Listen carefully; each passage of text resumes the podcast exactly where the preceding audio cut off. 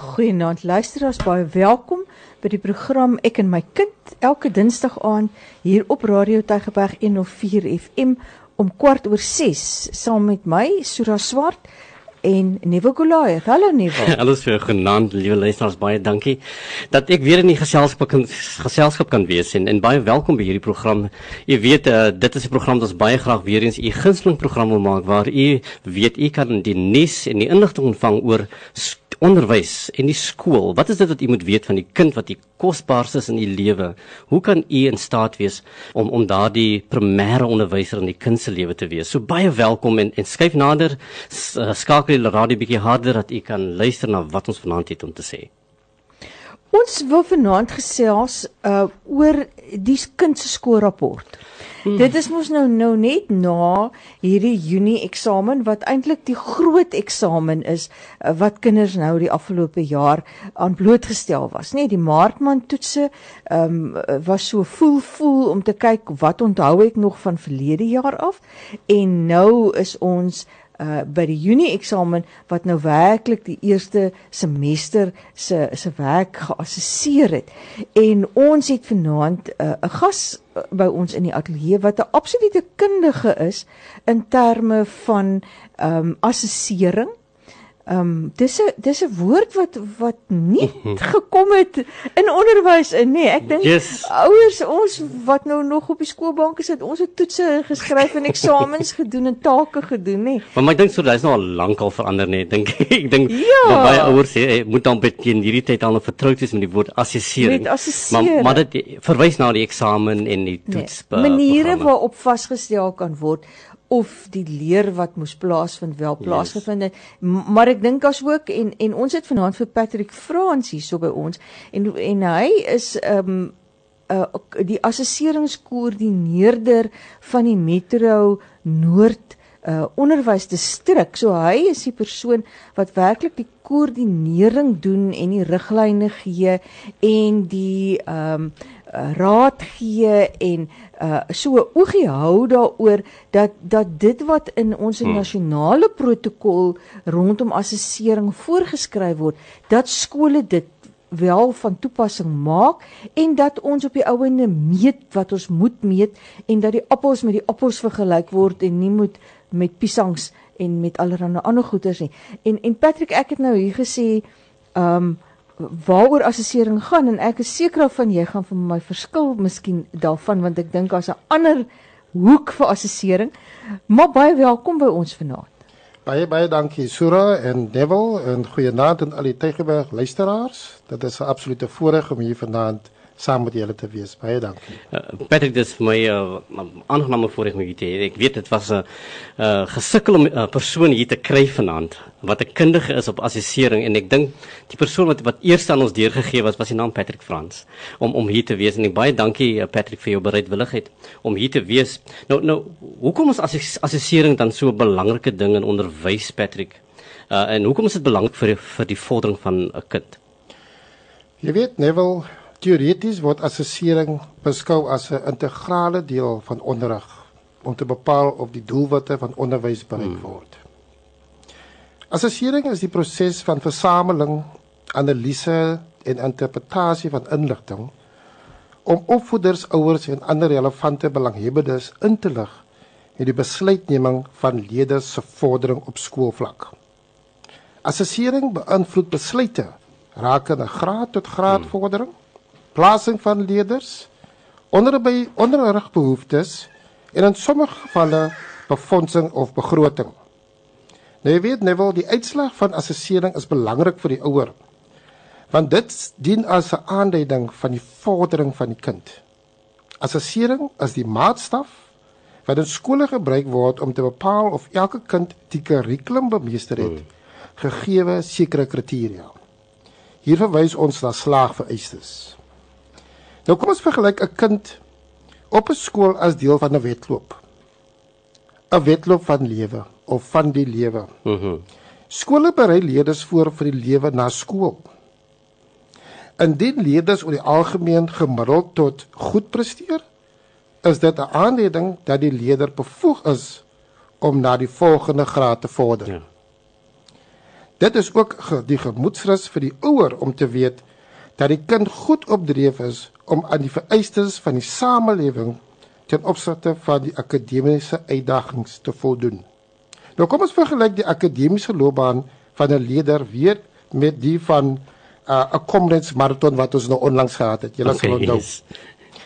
Al daardie deelnemers kon nie net in daai wedloop aan deelneem voordat hulle nie deeglik voorberei was nie. Mhm. Mm so die plek van die deelnemer wat hy of sy behaal in daardie wedloop aan die einde is 'n aanduiding van hoe goed hy voorberei het. Natuurlik die beste pryse is die van die top 10. Maar indien die deelnemers nie die wedloop voltooi het of indien die deelnemers altans die wedloop voltooi het, is dit ook 'n aanduiding dat hy of sy aan die wedloopkriteria voldoen het. So in 'n netedop is dit vir my die kern van wat assessering beteken vir die onderwys en natuurlik vir 'n ouer wat 'n kind op die skool het. Met met ander woorde as jy nou gesê die wedloop vir die lewe dan dan is assessering die manier waarop ons vasstel hoe goed ons besig is om ons kinders in die skool voor te berei vir dit wat hulle moet kan doen wanneer hulle eendag die skool verlaat. Is is dit wat ek sê? Inderdaad, inderdaad, en onthou wanneer kinders die skool verlaat, moet ons onthou daar is sekere loopbaan uh rigtings wat hmm. elke kind na aanleiding van sy belasting gaan.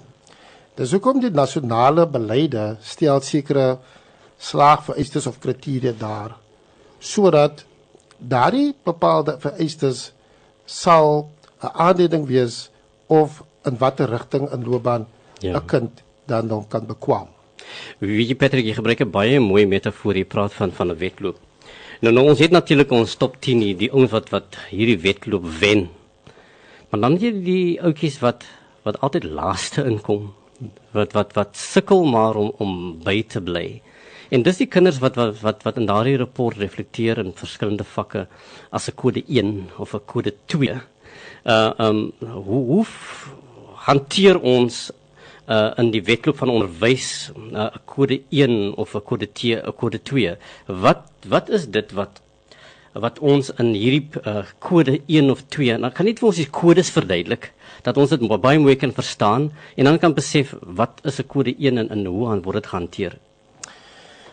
Inderdaad uh, en jy het in jou inleiding genoem dat die stelsels het baie verander oor die jare. Hmm. Ek kan onthou my rapport was daar net 'n punt uit 100. En dan was daar persentasies. En die nasionale protokol verwys hier na kodes teen opsigte van sekere prestasieaanduiders. Nou, hierdie kodes verteenwoordig 'n bewys van nederprestasie. Dit is die leerder se bewys van bevoegdheid wat gebruik word om sy of haar vordering op 'n bepaalde tydvak tydperk van die jaar te bepaal. So die Junie-vorderingsverslag is ideaal om ouers in te lig of die kind die halfjaarlikse kurrikulum bemeester het. Hmm. Omdat dit 'n eksamen insluit vir leerders van graad 4 tot 12. En ek moet by sê dat leerders in die grondslagfase skryf nie eksamens nie. Hulle wat ons hulle het 'n uh, assessering wat deurlopend geskied. En hulle het 'n 100% skoolgebaseerde assesseringskode. Ja.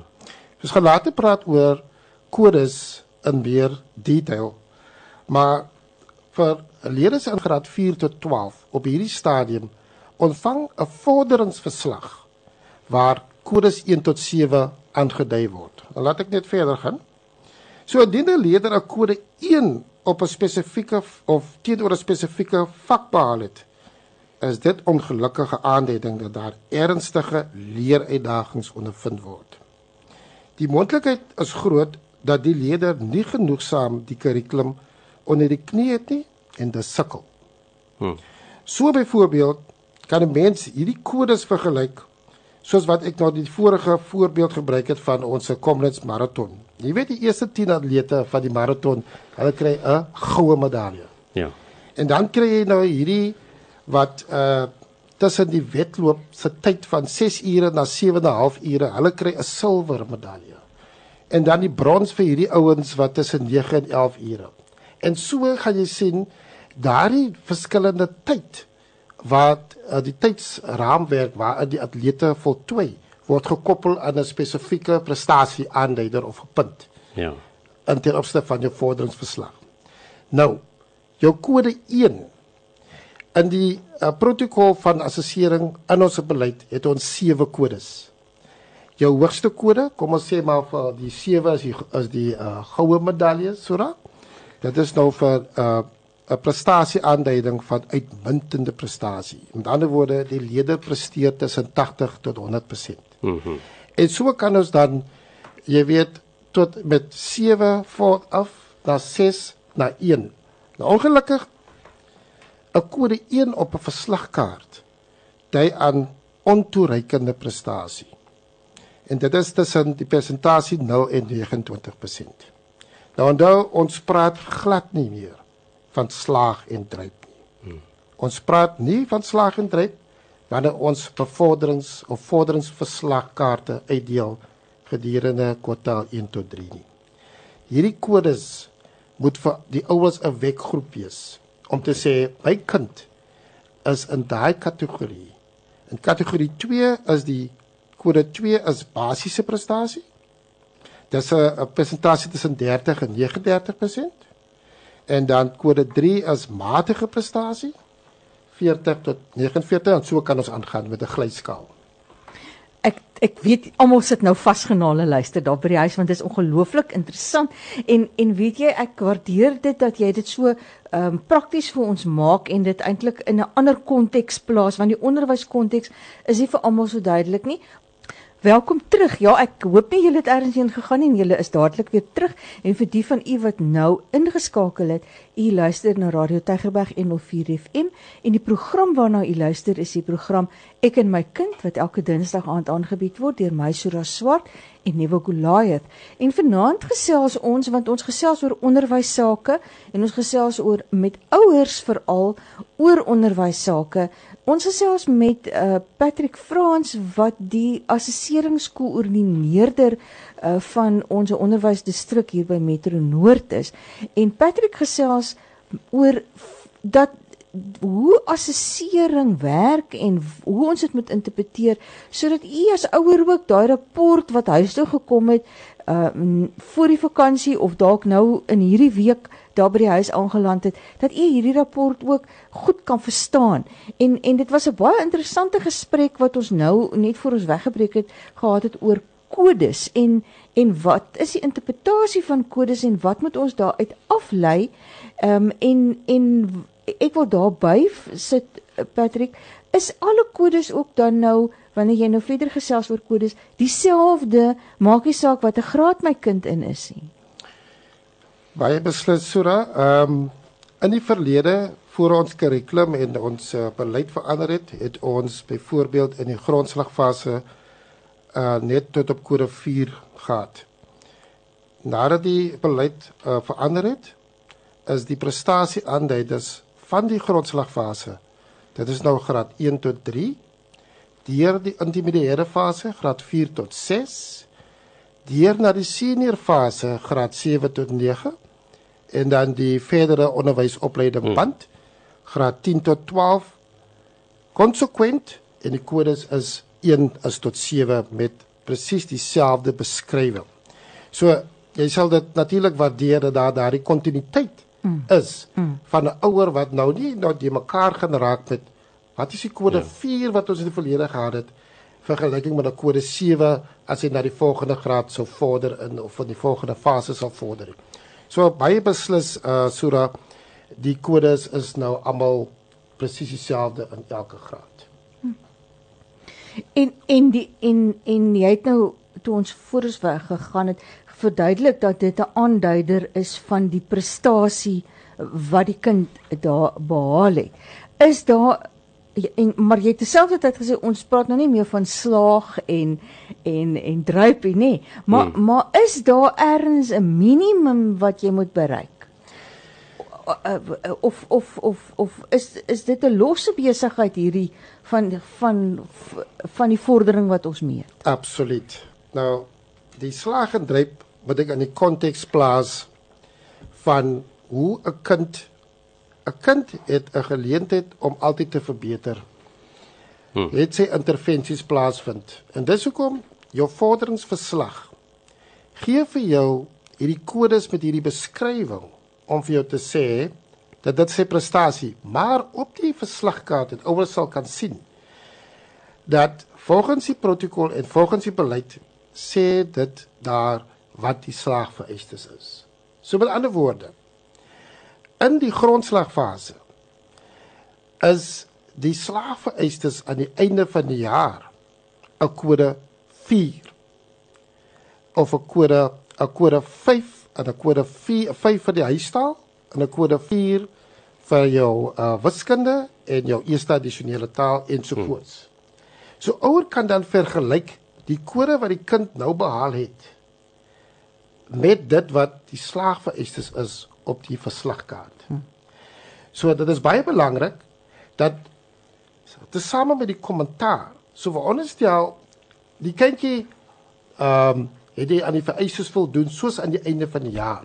Ons is nou by Junie. Mhm. Mm maar hy het nou 'n kode 3 in wiskunde en dit moet 'n kode 4 wees dan is dit 'n aanduiding van die ouer dat die leerder het baie hulp nog nodig mm. om tot by daai kode 4 te kom want aan die einde van die jaar moet al daai slaagvereistes aan voldoen word sodat hierdie kind bevoeg verklaar kan word vir die volgende graad. En dis hoekom ja. ons praat van ons praat nie van slaag of dryf nie, ons mm. praat nou op nuwe terme. Ons praat van progressie. Mm. In grade 1 tot 6 praat ons van progressie en in grade 7 tot 12 praat ons van promosie. Mm. Ja. En dit is baie belangrik. Ons sal dit nou sien op 'n rapport dat die kind het gevorder of progressie of promosie nie. Ons sien dit einde van die jaar. Mm. Want jy moet onthou, daar is nog genoegsaam tyd vir al die rolspelers om 'n verskil te maak sodat daai kind aan die slag vereistes voldoen aan die einde van die jaar. En so praat ons ook dat jou jou uitslaa vir kwartaal 1 tot 3 van 4 tot 12 vorm jou skoolgebaseerde assesseringspunt of soos ons in die ou dae gepraat van jou jaarpunt. Ja. Oh. Maar dit is 'n aanduiding nou alreeds dat die kind vorder goed, die kind vorder of gemiddeld goed of as hy onder daai kode vereiste is, dan moet dit 'n aanduiding van die ouer wees dat ek moet 'n bietjie bekommerd wees. Nou net net wie Patrick, ehm um, as ek nou mooi na jou luister, verstaan ek hom so dat dat assessering is 'n aanduider van die kind se vordering binne hierdie kurrikulum. Maar assessering is ook 'n aanduider uh vir die opvoeder hoe daardie onderrig plan of daardie onderwysplan vir die kind nou aangepas moet word om die kind te help wat hierdie kode 1 of kode 2 of kode 3 het. Want want eers sal daar nou 'n uh, uh, amper tipe aanpassing moet plaasvind by die kind se se se vermoë om om hierdie kurrikulum te kan hanteer, maar ook by die by die onderwyser wat die onderwyser nou volgende moet doen. Nou as die opvoeder nou ehm um, as die onder on, on, as die ouer nou bewus is dat my kind het 'n 1 of 'n 2 gekry, wat kan die ouer verwag van die skool om te doen? Uh, wat wat is die proses wat dan gevolg Goed. word? Jy weet, nee, wel, elke kind in 'n leeromgewing vorder volgens sy of haar eie potensiaal. Ja. Elke kind is uniek tot die leerproses en ten opsigte van die verskillende lewensfaktore agtergrond, hulpbronne en so meer. Dit is nie billik om kinders met ander te vergelyk nie. Eerstens moet alle ouers in gedagte hou dat die prestasieaanduiders op 'n verslagkaart in kwartaale 1 tot 3 die algemene vordering is in 'n bepaalde vak. In hierdie kwartaale praat ons glad nie soos ons genoem het van slag of dryf nie. Skole moet nie hierdie terme gebruik nie. 'n Kind vorder volgens die beskrywing teenoor die kodes. En dit is wat ons weet wat op die verslagkaart hmm. verskyn. Maar waar 'n leerder 'n kode 2 presteer, met daai gevaarligte begine flikker. Ja. Jy weet. Kode 3 op, dan is dit soos ons gesê het, matige prestasie tot en met die volgende aanduider. Die eerste verantwoordelikheid van die skool is om die ouer te nooi om die skool te besoek en gesprekke te hê met die spesifieke vakonderwyser waar die leerder nie na wense presteer nie. Nou ons weet in die grondslagfase is daar een opvoeder vir alle vakke. Ja. Maar sodra ons begin by graad 4 op, dan het ons vakonderwysers. So dit hang af in watter kategorie jou kind om bevind. So gedurende hierdie gesprekke dubbel sal die onderwyser moontlike intervensiestrategieë met die ouer bespreek. So die vennootskap is belangrik tussen die skool, die opvoeder en die ouer. En die opvoeder of saltens die ouer kan nie altyd verwag dat die opvoeder alleenlik Ja. die die lading het om die kind te help. Nie wanneer men nou daar is omtrent 30 of 40 kinders in 'n klas mm. en dit hang af van skool tot skool, na aanleiding van die bepaalde kontekste. Ouers is soms baie onbillik en verwag dat dit net die opvoeder of die onderwyser wees wat alleen die las moet dra om daardie kind, een individu uit 30 of 40 kinders in 'n klas, om daai kind te ondersteun. Hmm. So dit is belangrik dat ouers nie moet wag dat die skool hulle ook uitnooi nie. Ja. Ouers moet van selfsprekend nadat die verslagkaart ontvang het 'n afspraak maak met die skool. En skole skole maak natuurlik vir ruim geleenthede of skep ruim geleenthede vir ouers om die skool toe kom sien, om die rapport te kom Ja. ja. afhaal gedurende oueraande en dan die uitslae met die met die ouers te bespreek. Dis dit is so 'n belangrike ding wat jy daar sê want want dit is altyd vir my hartseer as ek by 'n skool kom en daar lê nog 'n stapel rapporte. As as die ouer ehm um, nie nie die moeite gedoen het om te kom die rapport by die skool haal nie want dis die geleentheid wat die ouer het om met die onderwyser te begin hande vat rondom hierdie kind. Nee, en en as ek as ouer nie genoeg belangstelling het in die vordering wat my kind gemaak het hierdie afgelope jaar toe hy skool toe gegaan het, dan dan moet ek ook daarvan bewus wees dat my kind se motivering om elke dag skool toe te gegaan het definitief daardeur uh, ook 'n 'n 'n knou gekry het. Wat kan ouers nog doen? Jy het nou gesê die onderwyser gaan bietjie aanpas binne in die klas die manier waarop die onderrig gegee gaan word, nê. Nee, maar maar wat kan ouers behalwe om met die onderwyser te gaan gesels en hulle en hulle ehm um, bekommernisse soort van te lig? Wat, wat anders kan ouers ook nog doen om te help? Jy weet so die ouers soos wat jy nou net sê hulle is daardie steunpilaar. Dit is daai basis wat 'n kind nodig het waar hy gaan uitreik by die huis. Hmm. Mamma en pappa moet altyd mos vra, "Hoe was jou dag?" Mm. Nie net wanneer dit by die rapport kom te vra- nou toe kom vra, maar wat gaan hier aan nie. So so ouers moet van die begin af van die kind se skoolloopbaan van graad R betrokke wees met leer en vordering van die kind. Ouers moet op 'n gedurende grondslag by die kind verneem hoe of hoe sy skooldag verloop het. Vra 'n bietjie vra oor die dag, die skoolwerk, die kurrikulum. Hoe was die toetse? Ek neem myself as 'n voorbeeld. My kinders is nog op skool. En elke dag as hulle 'n toets geskryf het, ek het die assesseringsprogram by my. Ek weet presies wat hulle vandag skryf. Mhm. En ek noem my vak op sy naam. En dit bou vertroue in en dit gee vir hulle so 'n bietjie motivering. Hulle voel dat ouers ondersteun hulle. En ondersteun hulle ook nie net met die akademie nie, maar ook bietjie moreel. Mm. So wanneer skole daardie assesseringsprogram uitstuur en dit is nie hulle behoort nie, hulle moet 'n assesseringsprogram uitstuur elke kwartaal. Wat is 'n assesseringsprogram? Mm. Assesseringsprogram is 'n aanduiding vir watter spesifieke take word daardie kwartaal geassesseer. So kom ons kyk byvoorbeeld, ons is nou in die derde kwartaal. En vir graad 4 of graad 1 tot 11 is daar byvoorbeeld 'n taak wat voorgeskryf word of 'n formele toets of 'n praktiese ondersoek of mondeling in die tale.